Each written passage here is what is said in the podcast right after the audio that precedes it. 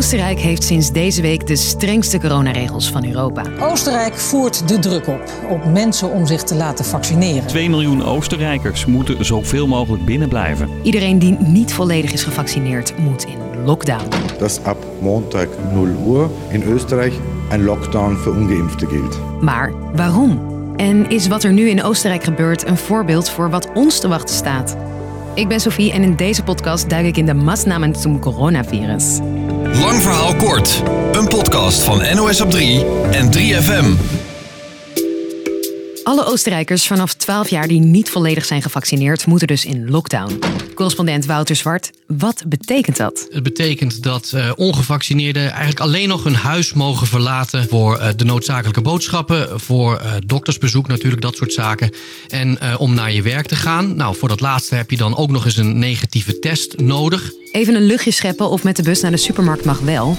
Maar een middagje shoppen, een gluwijn op de kerstmarkt of een boek lenen in de biep, dat kan niet.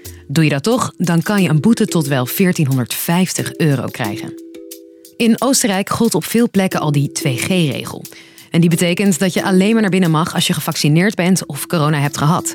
En daar komt deze lockdown nu dus bij. Volgens de bondskanselier kan hij niet anders. Während die Inzidenz für geimpfte Menschen glücklicherweise rückläufig ist, steigt sie bei den ungeimpften weiterhin exponentiell. Oostenrijk bungelt onderaan de prikranglijst van de EU. Minder dan twee derde van de mensen is gevaccineerd. Vooral buiten de grote steden hebben volgens onze correspondent weinig mensen een prik gehad. Ja, in die landelijke gebieden, zeg maar echt tussen de Oostenrijkse bergen, daar is men gewoon een stuk conservatiever. Eh, voelt men gewoon een grote afstand tot de overheid. En dat heeft wel gevolgen. Het aantal mensen dat daar eh, besmet raakt is echt veel en veel hoger dan bijvoorbeeld in de stad. Met deze stevige maatregel hoopt de regering dat ook deze mensen een prik halen. Want de coronacijfers schieten omhoog. 11.000 nieuwe positieve gevallen per dag. Dat is net zoveel als eh, Nederland. Maar Oostenrijk heeft wel de helft van de Nederlandse bevolking. En dat zorgt ook daarvoor overvolle ziekenhuizen en operaties die moeten worden uitgesteld. Door de lockdown mogen miljoenen Oostenrijkers dus voorlopig amper hun huis uit. En daar is niet iedereen het mee eens. Er is wel een aanzienlijke groep die gewoon twijfels heeft over eh, deze lockdown. Ja, of die dan niet de grenzen van de grondwet beginnen te naderen. Hè? Officieel mag het wel. Dit is via de, de pandemiewet allemaal juridisch afgedekt. Maar er is zeker wel een gevoel van ongemak eh, bij mensen. Ook de rechtse oppositiepartij FPE is tegen. Zij noemen de regel een corona-apartheidssysteem en roepen iedereen op om te blijven demonstreren. Die zien in de lockdown natuurlijk het bewijs dat de overheid erop uit is om eh, bepaalde delen van de bevolking eh, de burgerlijke vrijheden af te pakken. Dit weekend gingen in de hoofdstad Wenen honderden boze Oostenrijkers de straat op. Om te checken of ongevaccineerden zich aan de regels houden, wordt er extra politie ingezet. Je hoort de Oostenrijkse minister van Binnenlandse Zaken. Jeder Bürger, jeder Mensch, der in Österreich lebt, klar sein, dass er von der Polizei kontrolliert werden kann. Op openbare plekken zoals winkels of de bibliotheek kunnen agenten mensen vragen of ze zijn gevaccineerd. En ook daar is volgens onze correspondent kritiek op. Per wijk eh, en per dorp worden er wat extra agenten vrijgemaakt om dan eh, steekproefsgewijs te gaan controleren. En dat is toch wel eh, op bepaalde plekken lastig. Hè? Denk bijvoorbeeld aan het openbaar vervoer. Als ongevaccineerde mag je natuurlijk gewoon buiten een frisse neus gaan halen. Je mag in de tram naar je werk gaan.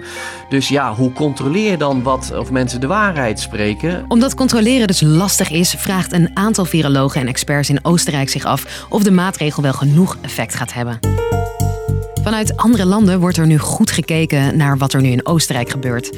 Want ook in ons land wordt er gewerkt aan extra maatregelen alleen voor niet-gevaccineerden. Toch, Hugo de Jonge? Daar waar de risico's op besmetting het allergrootst zijn.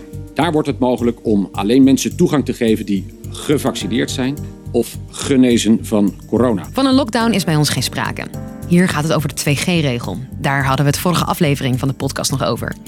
Maar zover is het nog niet. Maar er wordt wel aan gewerkt en dat levert ook hier discussie op. Je, ja, je dwingt ergens ook wel mensen om te vaccineren.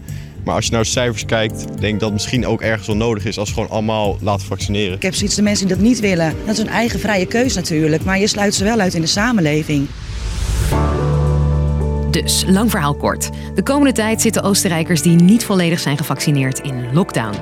Dat is volgens de regering nodig omdat de vaccinatiegraad laag is en de besmettingscijfers flink oplopen. Er is ook kritiek omdat de maatregel wel erg ver gaat en handhaven lastig is. Nederland houdt de situatie goed in de gaten omdat er ook hier wordt gewerkt aan maatregelen voor ongevaccineerden. Al gaan die niet zo ver als in Oostenrijk. Dat was hem weer. Morgen, rond de klok van 5, staat er weer een nieuwe lang verhaal kort voor je klaar. Baba.